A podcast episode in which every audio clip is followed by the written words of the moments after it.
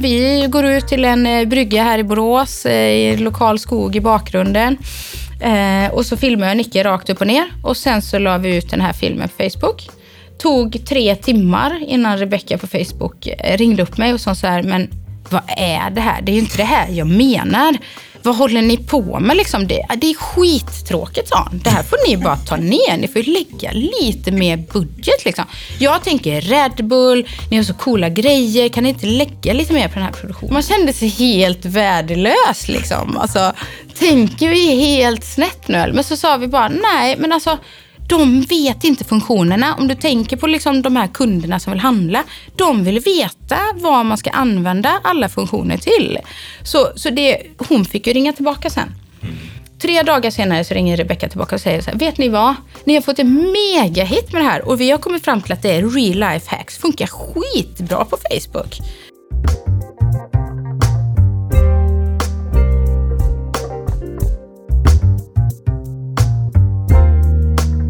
Revolution Race fyllde ett hål på marknaden med sina prisvärda friluftskläder i nya färgskalor.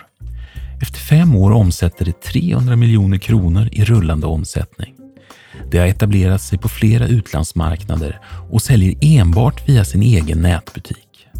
Medgrundaren och VDn Pernilla Nyrensten har knalleblod i ådrorna. Hon sålde kläder första gången redan som sjuåring.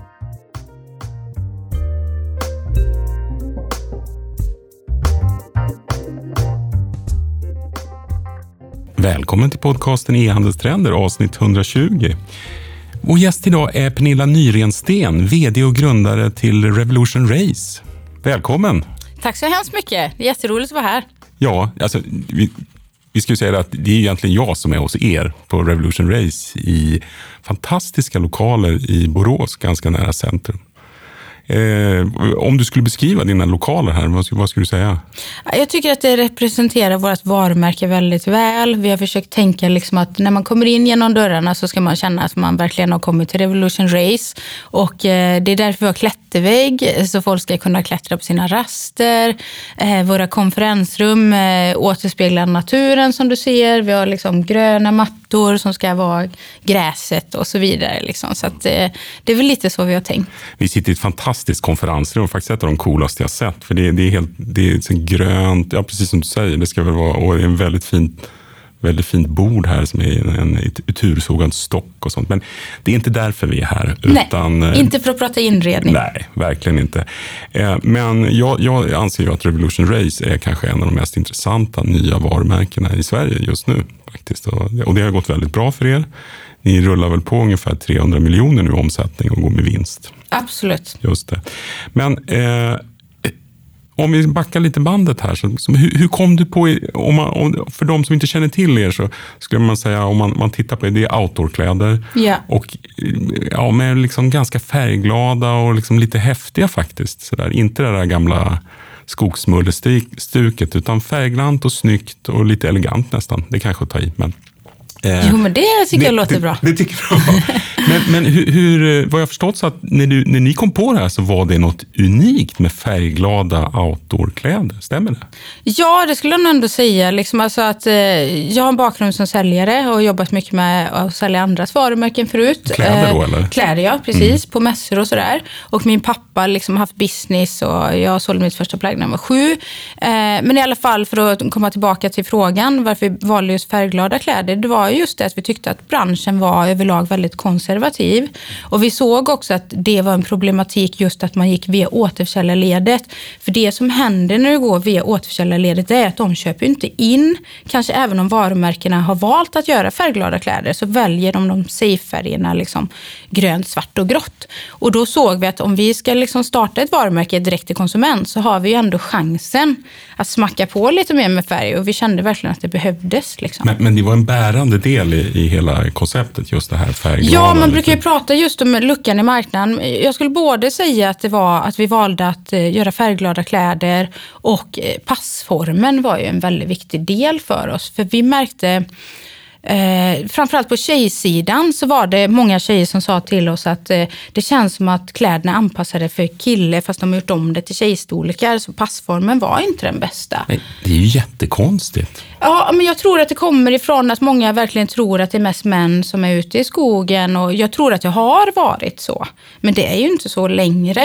Eh, och det är ju mycket mer bredare saker man gör i skogen. Det är kanske lite mer mass market än vad många tänker. De tänker liksom jägare, fiskare, att man gillar hajka typ. Men det är ju liksom plocka svamp, eh, klättring. Alltså det är ju hur mycket sådana, ute med hunden, är det många som är i skogen och sådär. Liksom. Och då blir det ju en mer bredd i det, vad folk faktiskt önskar att ha på sig. Men, men du har också, förutom att du har varit säljare då sedan du var sju år, det, är- det är imponerande. Vad, vad- eh, vad, vad, vad tog du med dig från det här med säljarrollen?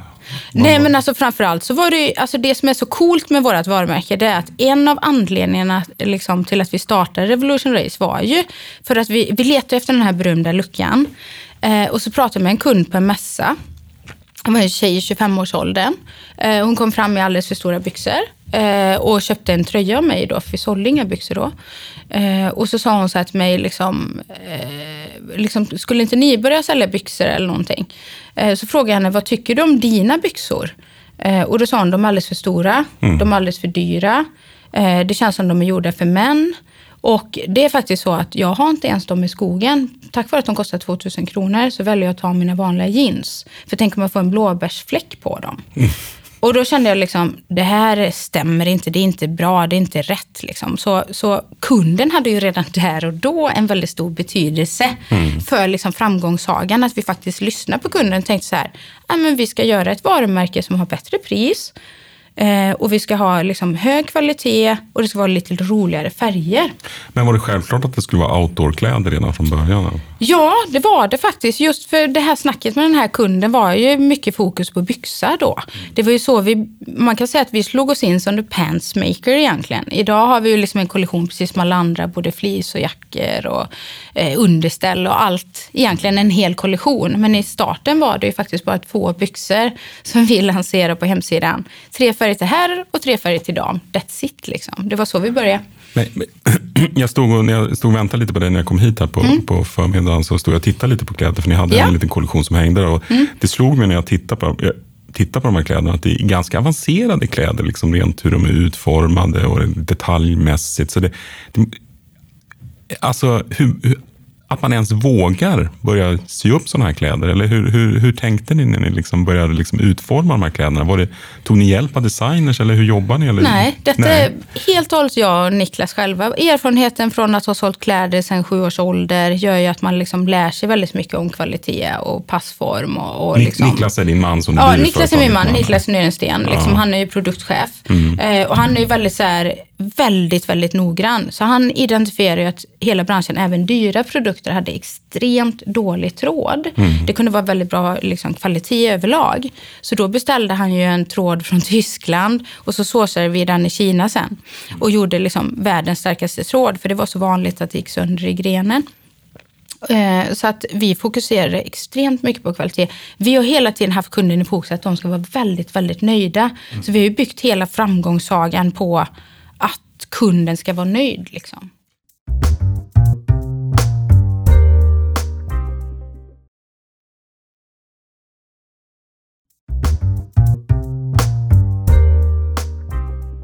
Hade ni något kapital när ni startade eller, eller startade ni liksom utan kapital? Ja, det gjorde vi. Alltså, det är faktiskt ganska roligt egentligen för att eh, vi gick ju runt i kommunen. Det är ju många företagare här i Borås. Det finns ju över 11 000 företag. Det innebär att det finns väldigt mycket kompetens i denna kommunen. Så vi gick ju runt och liksom pitchade för vår affärsidé. Vi skulle göra färgglada friluftskläder, och sälja direkt till slutkonsument och det skulle vara ungefär halva priset mot de dyrare märkena för samma kvalitet. Men det var ingen som riktigt trodde på det, just det här färgglada då. Och med Pernilla, liksom, det är en alldeles för konservativ bransch. Vem vill ha rosa byxor i skogen? Liksom, kom igen, det passar inte där. Liksom. Gå hem och gör rätt. Så startkapitalet blev att vi, vi trodde så hårt på vår idé, så vi skrapade ju, rensade ju alla kontona. Och det blev 300 000 kronor som blev startkapitalet. Och det räcker inte till sådär jättemycket egentligen. Så att vi la i stort sett alla pengar på produkt. Då. Eh, och tog inte ut någon lön överhuvudtaget i början i stort sett. Men vad, var det, vad tror du det gjorde hos er två som gjorde att ni, trots att alla sa att det är en dålig idé, att ni ändå höll fast? Vad tror du det är hos er som, som gjorde att ni ändå liksom... Det, det är kanske inte alla som skulle palla det. Liksom. Nej, men samtidigt är inte det det som kännetecknar en entreprenör, att man oftast tänker annorlunda. Att man ser möjligheter som inte de andra ser. Eh, och liksom att man har det här grit som jag brukar säga. Man har liksom det jävla namma rent ut sagt. Liksom. Så vi, nej men vi, hade, vi kände så starkt att eh, ja, men Happy Socks eh, hade gått ut med massa färgglada strumpor. Eh, Happy Plugs kom med färgglada hörlurar. Ingen hade färg i skogen. Ingen har färg i skogen ska det verkligen vara så? Det är klart att det måste finnas människor som vill ha färg i skogen. Liksom. Mm, så, så det låg eh, lite i tiden Jag tyckte att det kändes väldigt logiskt. Att eh, alla människor är inte lika och hela det här Instagram-samhället som har kommit. Folk är mer liksom, fåfänga än någonsin. Man vill vara snygg överallt. Innan kanske man kunde vara okej okay med eh, att inte bry sig lika mycket hur man såg ut. Men nu helt plötsligt som håller man på att ta kort överallt hela tiden. Och då, då byggs det ett lite mer liksom fåfängt samhälle. Eh, så det var väl lite så jag tänkte. Att eh, det här finns verkligen någonting här. Och jag skulle bli väldigt, väldigt förvånad om inte det stämmer. Liksom. Det var lite så. Är, är, det, är, det, är målgruppen, är den yngre eller är det över hela? Alltså det är det som är så roligt med Revolution Race. Vi har allt från liksom 20 till 60 år gamla som handlar ungefär. Core-målgruppen är 25 till 45 år. Mm. Men eh, liksom, det är både kille och tjej. Alltså, det är nästan lika stort till båda skulle jag säga. Så att, eh, den, den är ung men ändå medelålder också. Liksom. Mm. Men i och med att du sa, det, det kanske låg någonting i ändå att att själva återförsäljarledet var konservativt? Mm, eller? Ja. Absolut. Så hade det här ens varit möjligt utan e-handel egentligen? För ni, Nej, ni, ni fortfarande säljer ni bara på nätet, eller Jajamän, hur? vi är ju direkt till konsument. Det är ju så vi kan hålla så hög kvalitet då. För att eh, i vanliga fall så har du återförsäljarledet och ibland kan du till och med ha en agent om du till exempel ska in på en ny marknad. Då är det ju två steg som ska liksom ta en del av kakan så att säga och då speglar det ju priset. Mm. Eh, så att du har helt rätt i det. Hade vi gått till, låt oss säga någon av liksom sportkedja eller liksom, eh, Naturkompaniet eller vad det nu skulle vara. Så tror inte jag att de hade valt att köpa in för att de inte hade trott på det. Mm. Så att inköparledet stoppar ju egentligen nya idéer kan man säga. För de har oftast väldigt många butiker att köpa in till och då blir de rädda. Så att eh, det är svårt att göra det på ett annat sätt. Utan e-handeln så hade vi inte kunnat bygga varumärket, det tror jag inte. Mm. Men nu är ni, ni omsätter ju liksom över 300 mm. miljoner nu och sånt. Är det, är det inte dags att starta en egen butik? Alltså, helt ärligt så pratar vi faktiskt lite om det. För vi tror mycket på den fysiska handeln. Det är många som pratar om omnichannel, det är inget nytt där. Men det nyaste ordet är väl O2O då, kan man säga. Online to offline. Mm. Eh, new retail kan man också säga, som kommer från Alibabas grundare Jack Ma. Han pratar ju väldigt mycket om att de som kommer lyckas bäst i framtiden, det är inte sådana som bara finns pure online. Liksom, utan det är sådana som har både fysisk närvaro och digital närvaro. För då kan kunden själv välja vad de ska köpa, när de ska köpa och hur de ska köpa. Men jag tror det måste bli mer digital, den fysiska handeln. Liksom. Men vad pratar vi om? Tre butiker i Sverige eller, eller, vad, vad, eller Nej, någon Det kan mycket väl bli utomlands också. Alltså, ja. Det kommer ju vara en location där det är väldigt mycket trafik såklart. Så att det mm. liksom man får Ett premiumläge verkligen. Ja, det ska det ju vara. Absolut. Men sen så tror vi att det kan vara en lite mindre butik. Att det kanske blir eh, form av pop-up. Att den kanske inte måste sin, eh, finnas där året runt och sådär. Så att vi håller på liksom att ta fram ett koncept vad vi tror skulle funka. Men där vi är, där vi är nu, det är att det måste vara väldigt digital. Man ska kunna handla i affären de produkter som inte finns där online och så vidare. Och så vidare. Och det ska vara liksom väldigt enkelt att betala liksom, i butiken. Men varför, det, det, låter som att ni är ganska nära här och börjar starta butiker, eller? Nej, det skulle jag ändå inte säga. Alltså, vi har så mycket kvar att göra online. Vi är inte ens nära att slå i taket. Så att bara det här med att vi håller på och lanserar mycket nya marknader gör ju liksom att det blir som en resursfråga lite grann då. Att eh, organisationen kan inte springa på alla bollar, om man säger så. Men eh, det ligger i närtid, fast jag skulle inte säga att det är eh, nästa år då. För det är en relativt slimmad organisation organisation ni har ändå. Hur många, hur många anställda har ni idag? Eh, vi är 35 och vi håller på att rekrytera liksom över 10 personer till. Då, så att, eh, och det har vi planerat att få in så fort som möjligt egentligen. Mm. 35, men det är inte med logistiken? Och där, nej, nej, nej, vi har outsourcat logistiken. Så att, eh, det är väl därför vi har kunnat hålla en så pass slimmad organisation också. Vi har en 3PL-lösning där. Har det funkat bra tycker du att köra 3PL? Då? Eh, ja, det har det gjort. Det ska jag ändå säga. Fram tills nu, nu börjar det väl bli lite problem och det är ju den här situationen att vi börjar bli större i Europa och börjar fundera på, ska vi liksom ha ett lager i Europa eller ska vi ha det i Norden? Så där håller diskussionerna faktiskt på och pågår just nu. För ett par avsnitt sen så hade vi ett om att sälja till Tyskland och, en, och, och då hade vi med oss logistikmänniskor i den podden och då, mm. en, en sak som vi snackade om där, det var att det finns en, en anledning att lägga sig i Tyskland är inte bara för att sälja till tyskar utan för att det är ett väldigt bra logistikläge. Ja. Södra Tyskland. Liksom, Absolut, nu, då kommer man ut fort eh, liksom, ja. till de flesta europeiska länder. Det stämmer ju. Och tack vare Amazon så, så de flyttar ju ribban för vad som är okej för en konsument, hur länge man kan vänta på ett paket. Liksom. Mm. Om de börjar leverera på liksom en timme eller minst inom 24 så måste ju alla vi andra hänga med. Så att det kommer bli en enormt stor fråga mm. att faktiskt förbättra logistiken och kundupplevelsen den vägen mot mm. kund. Är det nästa stora projekt för er? Eller? Ja, det skulle jag absolut säga. Det är jätte, jätteviktigt. Alla de här last mile-lösningarna. I Sverige finns det väl mest i storstäderna än så länge. Liksom Budbee och allt vad de nu heter. Men eh, det kommer absolut vara en prioriterad fråga för oss. För att det är ju vad kunden förväntar sig. Att de ska få sina leveranser fort. Vi märker ju direkt när vi har kampanjer. Eh, vad är och, fort då för era konsumenter? Nej, men det är ju inom två dagar skulle jag säga. Mm. Det tycker de ju ändå är, det Håll, är bra. Håller ni liksom. det idag eller? Ja, i Norden gör vi det. Om det inte är kampanj som sagt. Det är klart, är det Black Week eller något liknande, då, då får de nog vänta ett par extra dagar. Mm. Eh, men eh, ute i Europa har vi nog tre till fem dagar och det levererar vi på. Mm, mm. Men jag tror att eh, det kommer krävas ännu snabbare leveranser. Pernilla, jag, jag uppfattar dig som väldigt transparent och väldigt yeah. öppen med vad ni håller på med. Alltså, du har intervjuats av flera stora tidningar och sånt där. Det är jättekul att läsa de artiklarna faktiskt. Ja, vad roligt. Eh, men vad jag skulle säga är Ja, är det inte massa copycats där ute? För att nu är ju, ni är ju liksom, ni är ju lite så här, jag höll på att säga posterboys, men det blir ju fel. Men, eh, jag menar, ni, ni är ju lite så här, eh, nästan det glamorösa e-handelsparet nu här med er framgång. Hur många copycats finns det där ute idag? Alltså det är så många. Ibland kan jag nästan bli fascinerad över att eh, flera bolag som vi pratade lite om, Apotea, att han har kunnat liksom köra så länge själv, är så framgångsrik Per Svärsson. Alltså, och vi då som eh, omsätter betydligt mindre har ju fått eh, extremt mycket copycat skulle jag säga. Hur många, hur många räknar du? Då? Eh, alltså, som jag vet om är det över 20. För det första så är det många av de här bara stora... Bara i Sverige eller i hela Europa? Då? Eh, nej, men bara i Norden skulle jag säga. Inte bara Sverige, men många i Norge och vi har sett i Finland och vi har sett mycket i Sverige. Eh, så att eh, det har ju varit ett enormt fokus på oss och jag vet inte riktigt vad det är som har gjort att just vi har blivit så kopierade. Men det finns många, det gör det. Men är du, oroar du dig för dem på något sätt eller, eller känner du att ni har kommit så pass långt före dem för att de egentligen ska vara ett hot? De kommer alltid ligga steget efter, för de vet ju inte vad som finns i våra huvuden och vad vi ska producera framåt. Eh, så att de kan ju alltid kopiera liksom, gamla kollektioner så att säga, men det nya som vi har på gång, det har de ju inte en susning om. Och sen så är jag själv väldigt så här, jag tror att marknadsföring är extremt stor del av framgångssagan också.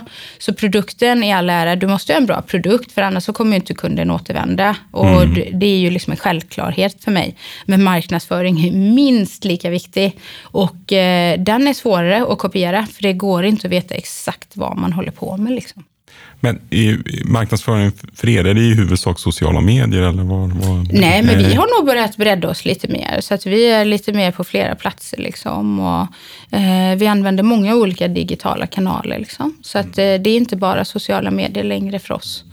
Eh, men det är väl det som har byggt varumärket från början kan man ju säga. Det är absolut. Innan, innan vi började på Facebook så, så vi hade ju inte funnits om vi inte satsat på social marknadsföring. hade vi inte gjort. Men Kan, du- kan du vara lite konkret här? Alltså när du säger att ni skapade ett varumärke i sociala medier, framförallt Ja. på Facebook om jag har förstått saken Ja, rätt. Eller? det gjorde vi. hur, hur gick det till rent konkret? Liksom? Rent konkret, vi började med 200 stackars vänner och kompisar som följde Revolution Race. Och idag är vi ungefär 500 000 följare. Eh, så vi började väl med hela den här tanken att vi skulle bygga en community runt varumärket. Att eh, vi skulle engagera kunden i vårt varumärke. Och de fick vara med. Ja, förlåt. Nej, nej, men det är en lätt att säga, men, men att göra alltså. Nej, men jag tror att vi liksom anammade just det här att kunden vill vara med och påverka då. Och, och då kom vi fram till att det är klart att de kan inte påverka allt, men kanske färg. Eh, så då frågar vi dem liksom, vilken färg vill ni att vi ska producera till nästa säsong. Och det blev ju ett jättestort intresse. Och vi fick ju många fler följare. Och, eh, och så blev svaret rosa till tjej och orange till kille. Och det kändes ju lite läskigt. Även om vi hade bestämt att vi skulle vara ett färgglatt friluftsmärke så känns det ju som att rosa är ju väldigt färgglatt. Liksom. Ja. Och orange till kille kändes också lite läskigt. Eh, men det blev Rusty Orange och orange, eh, rosa menar jag, Candy Pink som vi kallar den färgen. Eh, Också lite från Victoria's Secret, att vi tänkte att det är ganska tråkigt att färgen bara heter rosa. Det är ju roligare att det är ett eh, coolare namn. Liksom. Candy Pink låter mycket bättre, tycker jag i alla fall. Det blir lite, så här, lite härligare och glamorösare. Så, men den flög ju sen. Alltså, när det kom in i shoppen så sålde det ju slut eh, direkt i stort sett. Så vi hade gjort alldeles för lite kan man säga. Och eh, kunderna var ju väldigt sugna sen när vi berättade för dem att nu har era färger var- kommit in i shoppen. Eh, ja, kul liksom så här. Och då, de var jätteglada och tyckte att det var fantastiskt. Hur, hur lång tid tog det innan det verkligen liksom, att ni började kunna plocka ut lön och sådär? Alltså, vi tog ju ut väldigt lite lön i början, men det var ju liksom 8000 i månaden eller någonting. Det var, och då bodde vi i ett litet radhus, vi hade nästan inte dragit på oss några skulder överhuvudtaget. Så att vi kunde leva på ganska lite pengar. Eh, men i starten, alltså jag skulle nog ändå säga att det gick ganska fort. Men det är klart, vi hade ju bara en byxa till dem. och som jag sa. Eh, och när den sålde slut så fick vi vänta ett tag innan vi fick in nästa. Mm. Eh, Så att innan vi då liksom kände att det flög, alltså det to- gick rätt fort skulle jag säga. Eh, Vi började packa paketen i januari och i augusti fick vi ta in ett eh, logistikföretag för då hade det spårat. Då blev Hur, hur var liksom, det där när ni kände att det inte gick längre? Hur, hur funkar allting då? Alltså jag måste nästan berätta detta för det är så himla kul. Vi stod i min pappas garage som tack gode gud hade dubbelgarage. Det var ingen logistikkostnad där utan det var ju bara att packa och se glad ut. Och sen så åkte vi till Ica Maxi faktiskt. Det var då jag insåg att nu kanske det ändå är dags då. Eh, då glider vi in med liksom tre fulla kundvagnar eh, med paket.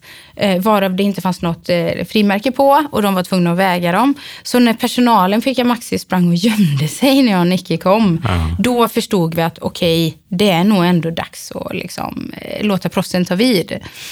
Så att eh, det var liksom wake up callet. Liksom, att det går nog ändå alltså. ganska bra. Liksom. Eh, så att än idag när jag kommer in, bara, "Ah, vad skönt att se att du inte har några paket med dig idag. Liksom. Man bara ska köpa ett paket tuggummi istället. Men eh, vad, vad har varit den största utmaningen med att växa till 300 miljoners bolag? Alltså det är ju, det här, vi brukar säga så att vi har ju offrat alla våra pengar hela tiden. Så när vi pratar om det med lönen så visst, vi kunde ta ut lön. Men det var ju liksom, vi kanske hoppade upp till 20 000 eller någonting. Men Eh, vi gick ju all in hela tiden för att bygga liksom kollektionen. Så vi tog ju väldigt stora risker. Och det var liksom aldrig någon tveksamhet kring det. Utan det var bara att ösa in alla pengar vi tjänar för att kunna bygga eh, kollisionen. kollektionen. Och det är klart att det har varit en väldigt stor utmaning i det. Att växa både kollektioner, eh, hantera anställningar eh, eller få in mer personal. Liksom. Så att eh, både alltså bygga eh, organisationen samtidigt som man expanderar på flera, flera olika marknader har ju såklart varit en utmaning. Men det var självklart redan från start att det var du som skulle vara vd och Niklas skulle ha fokus på, på produkten. Absolut. Alltså, jag kan säga att jag är med och designar produkter och tycker till om liksom utseende och färg. Men det är ju han som är duktig på konstruktion, funktion och liksom väldigt så här nördig i alla detaljer som jag pratade om tråden innan. Och, så där. och jag har ju ett helt annat siffersinne. Eh, liksom jag är duktig på siffror, jag är liksom van att räkna. Jag till och med eh, när min pappa hade sitt företag så var jag även inne där och liksom, eh, sa till honom, men nu måste vi tänka så här. Så det har alltid varit eh, helt eh, logiskt för oss att det är jag som håller i det. Jag är mer liksom, siffertjejen och han är mer produktnörden. Kan man Men, säga. men vad är målsättningen? Har ni någon tillväxtmålsättning eller, eller någon storleksmålsättning? Eller, eller finns? Absolut. Vi vill ju nå en miljard. Alltså jag skulle till och med säga så att jag har sagt det jättelänge att vi vill nå en miljard. Och nu liksom är vi över 300 miljoner. Det går helt enligt plan. Eh, Vi växer med 35 procent. Fast detta kvartalet, så som vi har börjat detta nya bokslutsåret, för vi har ju brutit år, eh, så växer vi med liksom nästan 50 procent. Så att vi ska ju nå minst en miljard. Alltså, och vi ska finnas i hela Europa och hela världen är liksom Mm, våra målsättning. Så att den är hög kan jag säga. Men det tror jag är viktigt. Liksom, så att man inte... Börjar man bli nöjd, det tror jag är livsfarligt. Liksom. Så att man ska hela tiden jaga någon som ligger framför. Så det är flera vi jagar nu som inte vet om det. Men det är väldigt, väldigt viktig del i att liksom, gå till jobbet varje dag och kriga lite. Det är så. andra varumärken alltså? Ja, ja, såklart. Ja. Jag tänker inte nämna dem, för jag tänker inte ge dem gratis reklam. Men eh, det finns många där ute som vi jagar nu, liksom, som vi har eh, planerat att de ska vi gå om i år. Liksom. Mm.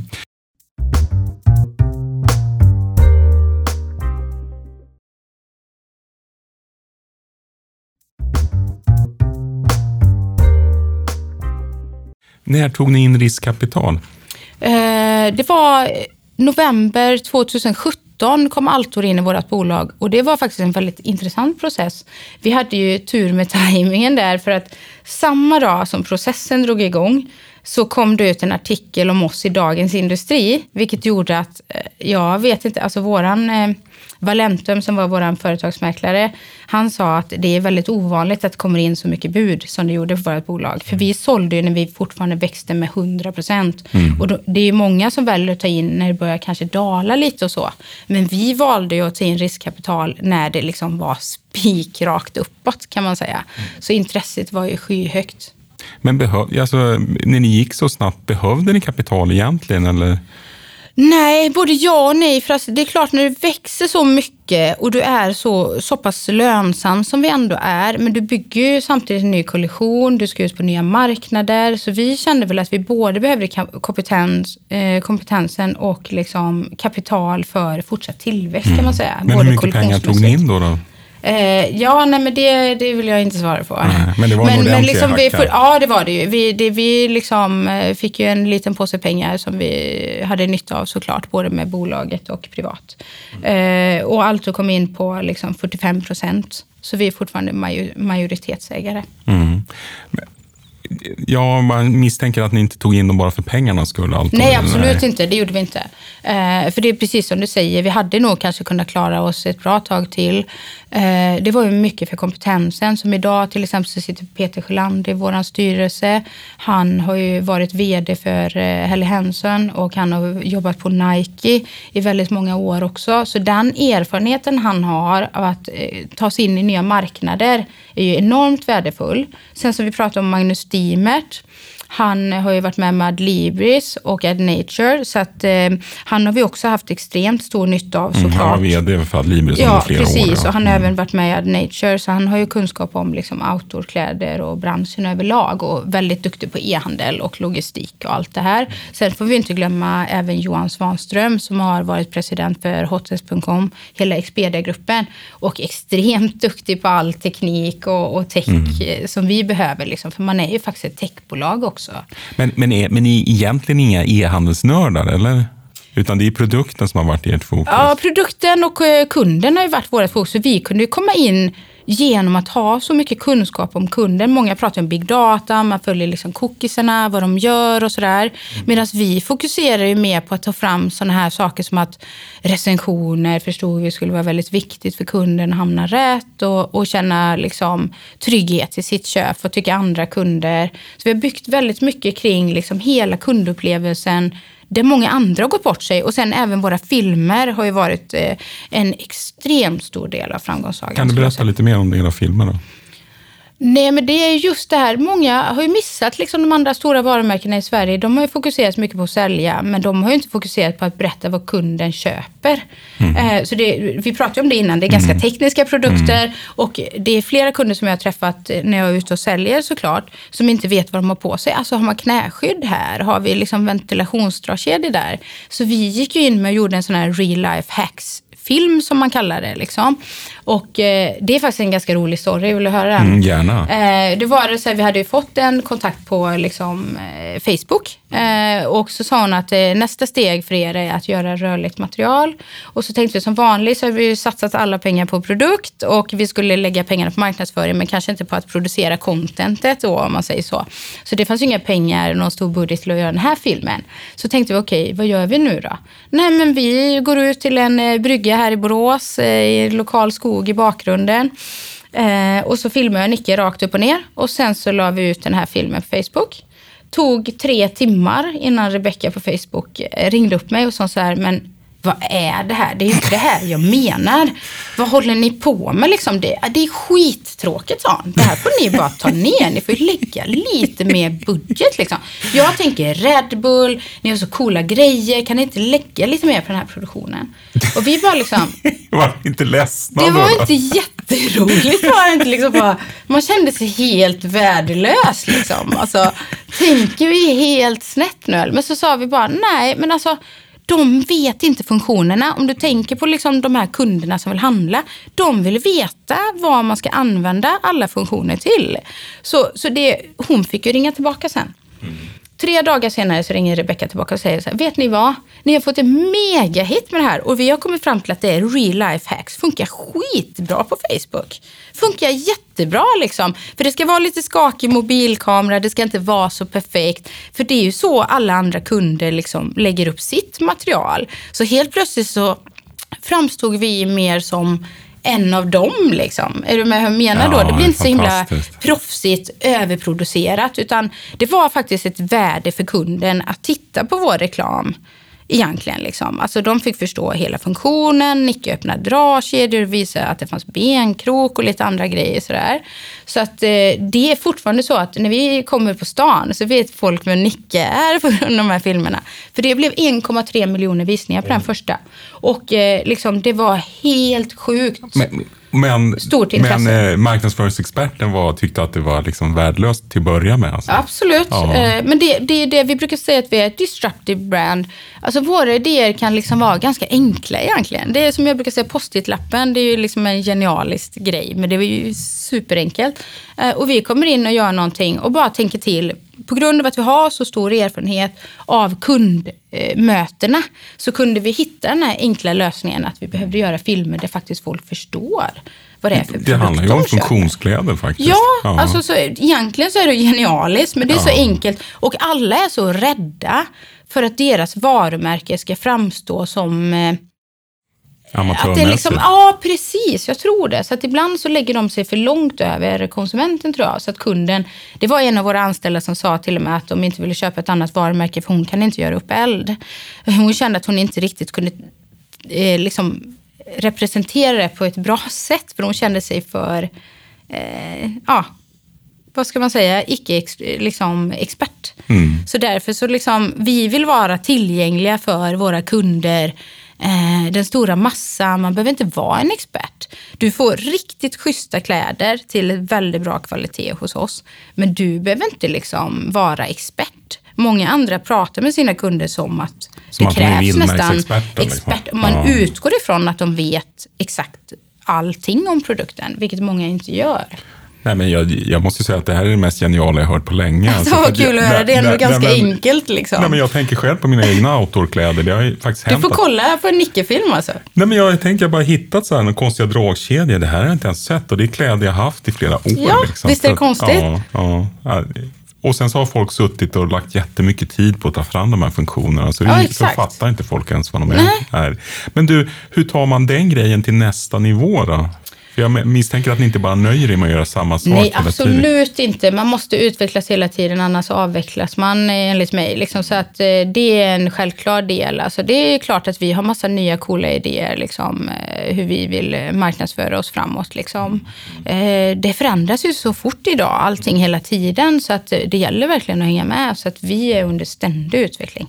Men det grundtanken är ju kunden i fokus. Vad är det kunden behöver? Och det ska vi försöka leverera på ett så äkta och bra sätt som möjligt. Vi vill, vara ett, vi vill ha en dialog med dem. Vi vill liksom bjuda in dem. Vi är liksom inte över deras huvuden, utan de är en del av vår community. Och det är så vi har planerat att fortsätta växa eh, och göra massa nya coola grejer runt hela det konceptet. Mm. Liksom. Ni säljer ju till många marknader redan idag och det Yes. verkar ju som att ni har ambition att sälja på ännu fler marknader. Yes, USA eh, står bakom hörnet, det här stora landet.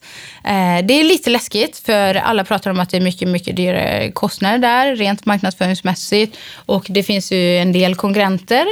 Eh, så att, eh, men det är en extremt intressant marknad, för vi tycker inte att det finns någon som oss där. Eh, så att just nu håller vi på att förbereda väldigt mycket för att lansera just i USA. Men på grund av storleken så ska vi vara lite mera fokuserade och vi håller på att prata om delstat och kanske till och med börja i en stad i stort sett. Eh, när vi går in då. Så vi kommer inte liksom blåsa hela marknaden från dag ett. Liksom. Det låter ju smart. Jag menar, återigen, för att återkomma till det här Tysklandsavsnittet vi hade. Ja. Då pratade de om att i Tyskland är inte ett land. Nej, Det är en väldig skillnad att sälja till, till Berlin eller sälja till Bayern. såklart. Så att man måste se dem som olika, olika Absolut, länder. absolut. Och det kanske är samma USA också. Det är det ju definitivt. Liksom. Alltså, det är ju många liksom, PR-byråer pratar ju om att språket ska skilja sig mellan de olika delstaterna. Alltså sättet du liksom snackar med en kund. Liksom. Eh, så det behöver du också se över, fast det ska ändå stämma väl överens med ditt eget varumärke såklart. Så det är ju väldigt mycket planering. Vilken, liksom, hur ska man gå in? På vilket sätt? Eh, liksom, vad är vår största unique selling point? Eh, och hela den biten. Liksom, det får man ju justera. Eh, du har ju din vanliga liksom, varumärkesstrategi såklart. Den ska ju vara samma överlag. Men sättet du väljer att gå in på skiftar ju på de olika marknaderna. Och även på samma land som du är inne på då. Men, men har ni varit så här noggrann? Jag förstår att USA är ju en stor utmaning, Yes. så det förstår jag att ni förbereder. Men har ni varit så här noggrann för varje marknad ni har gått in på? Absolut inte. Nej. Ibland så skrattar folk åt mig. Alltså det är faktiskt jätteroligt ibland när jag föreläser. För jag vill inspirera folk att få dem att förstå att Gör det inte, övertänk inte. För ibland så har man en tendens att förbereda sig så mycket att sen när du väl går in så är det liksom inte aktuellt längre för du har tagit för lång tid på dig. Då är det något annat som gäller. Så att när vi gick in i Tyskland så gick vi in med fel språk. Eh, Vi gick in med fritidsfabriken.se som vår sajt hette från början. Fast experterna hade sagt till oss, jag har varit uppe och pratat med Klarna, en Tysklandsexpert, eh, som sa så här, ni ska gå in med revolutionrace.de, ni måste översätta sajten till tyska och ni ska använda DHL som logistikpartner. Då har ni väldigt bra förutsättningar för att lyckas i Tyskland. Men problemet var att då hade vi varit tvungna att vänta i sex veckor innan översättningarna var klara. Vi kände att vi hade momentum, vi kände oss starka, så vi bara Ja, men okej, vi gör som vi brukar göra. Vi går in och provar. Så vi körde engelska, fritidsfabriken.de istället för Revolution Race. Och vi var lönsamma dag två. Men, men med det sagt, liksom, så det är en ganska rolig story för alla. Liksom, det finns ju ingen expert någonsin som hade rekommenderat oss att göra så. Men det som var coolt i det hela, det var att vi började samla in data, vi fick igång försäljningen och sen när vi la in tyskan, ja det är klart, då började vi sälja ännu bättre och, och då började det gå ännu bättre. Och sen då när vi började använda då DHL, ja då gick det också lite bättre. Så att, men det är bet- better than perfect liksom. Alltså. Men ja, genom, genom att inte göra det perfekt från början så kom ni igång snabbare och fick in data och kunde göra ännu bättre. Ja, och än sålde och tjänade sålde. pengar. Eh, Så att visst, eh, det kan ibland vara farligt, men, men vad är det som kan hända om du till och med går in med en felaktig varumärkesstrategi? Så länge du inte bränner för mycket pengar på det, så är det ju inte farligt. För då, hur många har då sett det, tänker jag? Liksom, alltså, så att du har ju chansen att Även en eh, strategi du har kan du ju faktiskt ändra om du inte har blåst allt för mycket pengar på det. Och det var ju lite det vi, vi gjorde. Vi samlade ju egentligen bara data och det gjorde oss ännu smartare. framåt hur vi skulle eh, approacha de andra kunderna. För då fick vi in den datan vi behövde så vi kunde justera vår varumärkesstrategi snarare än att bestämma den i förväg. Så ibland kan det faktiskt finnas en fördel att göra allting på fel sätt för då har du inte en förutbestämd uppfattning om hur det måste vara. Ja, Tänk om bara, du har fel. Bara titta liksom. på datan sen. Alltså. Är du med hur jag menar? Ja, liksom? ja, För då, då kan du ju faktiskt justera. Ja, men den här eh, liksom, eh, München sålde bättre än Berlin eller vad det nu kan vara. Liksom. Mm. Då kan man ju fokusera utifrån det. Och det var män eller kvinnor eller vilken ålder och sådär. Och då kan du ju skjuta marknadsföring på det sättet. Så det, det är också ett tillvägagångssätt som faktiskt har funkat väldigt väl för oss. Mm. Ingen förberedelse överhuvudtaget utan vi bara köttar på liksom. Och det funkar bra. Så att, eh, Det är ju tur ja. att ni har egen majoritet i företaget, Ja, för annars precis. kanske de aldrig hade gått med på att ni har Nej, gjort det är nog väldigt, väldigt stor anledning. eh, Liksom, eller en av de sakerna som har gjort att vi har varit så framgångsrika, att vi faktiskt har kunnat få göra som vi har velat. Eh, för då har vi ju haft den speeden som faktiskt krävs idag, skulle jag ändå säga. Som vi pratade om, det finns mycket copycat. Du vill ju vara en first mover. Det var ju lite så vi tänkte med Tyskland med. Nu måste vi in med våra liksom, färgglada. För den som är först, den är liksom först. För det fanns inga sådana, den typen av kläder i Tyskland Det gjorde det inte och det Nej. finns massa kopior idag. Men liksom, vi kunde ta positionen på samma sätt som GoPro. Hur många kopior finns det inte på GoPro idag? Men alla pratar om GoPro fortfarande. Och det var en väldigt viktig del för oss. Att vi förstod att det var viktigt att röra sig fort nu. Snarare än att vara perfekt. För det går alltid att justera allting hela tiden. Och så mycket skada gör det faktiskt inte. Det handlar bara om hur mycket cash du bränner i onödan i så fall. Mm. Skulle jag säga. Men du pratar om USA, och det förstår jag att det kommer ta mycket fokus misstänker jag, om man ska gå in på en sån Mm, st- stor och svår marknad. Men, Ja. men vad tänker du kring Asien till exempel? Jag tycker det är en superintressant marknad. Eh, vi har kollat väldigt mycket på Kina med tanke på hur långt te- tekniskt före de är. Eh, 900 miljoner människor. Alltså herregud, alltså det är ett sjukt intressant land. Men även Korea, Sydkorea är ju väldigt intressant. Eh, det är en stor outdoor-kollision där. Eller- liksom mycket människor och det, oftast är det hela familjen som är intresserade. Eh, Japan är intressant. Eh, de gillar färg. Så att det finns extremt mycket potential i Japan.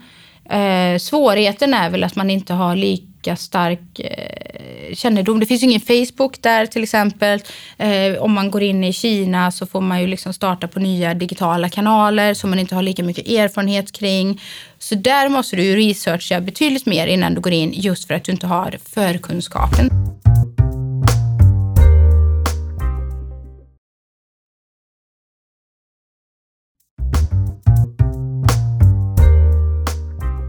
Men du inledde här i början av intervjun att eh, säga att ni, har inte, ni är så långt ifrån att slå i taket när det gäller online, när vi pratade Ja. om att starta butik. Ja.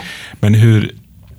För jag misstänker att ni har inte slagit i taket i Sverige heller. Absolut Och inte. inte i Norden heller. Nej. Men liksom hur, hur, hur, hur prioriterar du och hur liksom ändå liksom mäktar ni med att gå in som typ på USA när du känner att ni är ändå inte färdiga med, med, med, med, med de marknader ni redan finns på? Ja, men det liksom? har väl varit så. Det är många som sa det, även experterna sa ju det. Men varför, ni har ju inte växt färdigt i Norden. Varför ska du in i Tyskland nu liksom?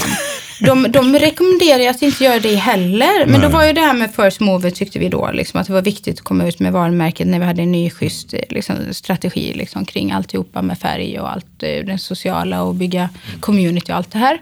Eh, så det är väl fortfarande svaret. Vi offrar alltid det året vi har, brukar vi säga, för framtiden. För vi vill bygga ett bolag som liksom, eh, ska leva vidare i hundra år. Så därför så känns inte liksom, huvudfokuset är inte Eh, för oss som jobbar här åtminstone liksom nästa års resultat. Självklart så är vi resultatfokuserade, för det är ju en viktig del av att kunna fortsätta liksom, att varumärket är en succé och sådär. Men, men det är ju fokuset på framtiden som gör att vi väljer att ta eh, flera marknader, för då har vi ju större eh, både liksom riskspridning eh, och liksom eh, möjlighet att växa för flera år framöver. Liksom. Men ambitionerna måste ju ha ökat hela tiden, för annars hade ni inte döpt er till Fritidsfabriken, den ursprungliga namnet. Nej, precis. Alltså, tanken med det från början, för det får jag faktiskt väldigt mycket frågor kring. Eh, och det var ju att vi inte visste om Revolution Race skulle liksom klara sig själva. Så vi såg ju nästan Fritidsfabriken som liksom en annan eh, Out, out North-liknande butik. liksom. Ja, nej, vi såg det som att vi skulle kunna plocka in andra varumärken ifall inte Revolution Race flyger då, tänkte vi.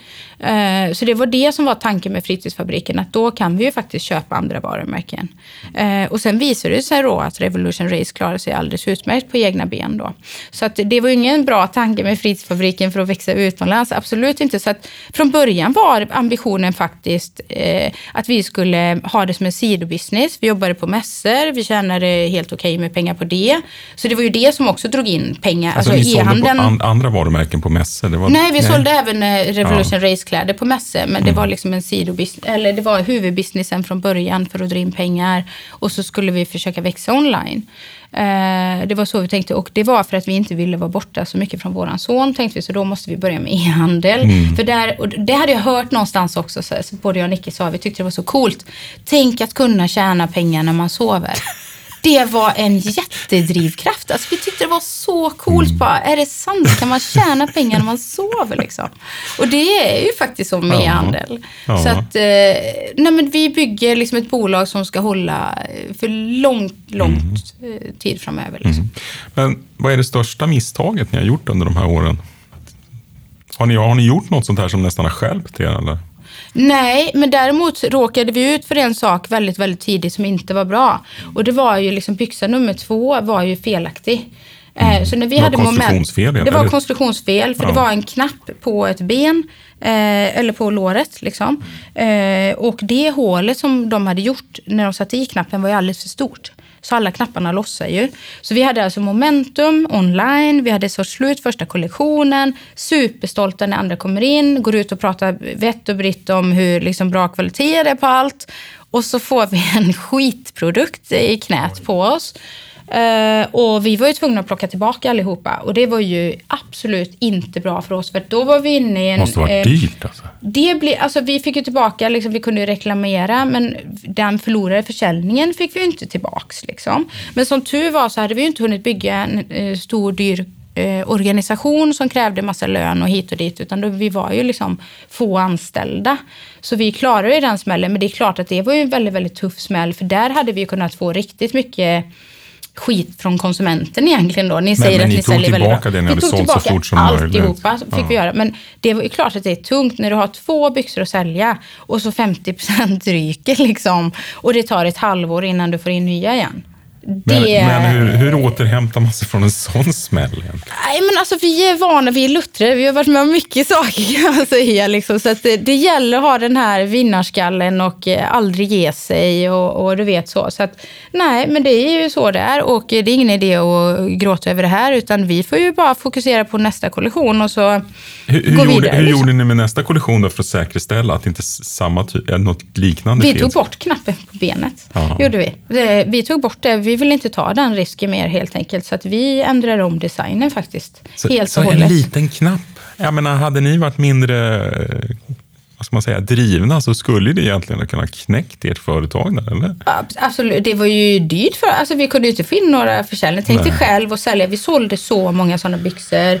Liksom, det var ju halva försäljningen liksom. Ja. Och vi var tvungna, men det, vi visste ju det, ska vi bygga på att vi har bra kvalitet och en bra relation med kunden så vill vi inte sälja skräp. Nej, nej, liksom. nej. Alltså, det var ju en no-brainer fast det var, det var inte roligt. Det var det inte.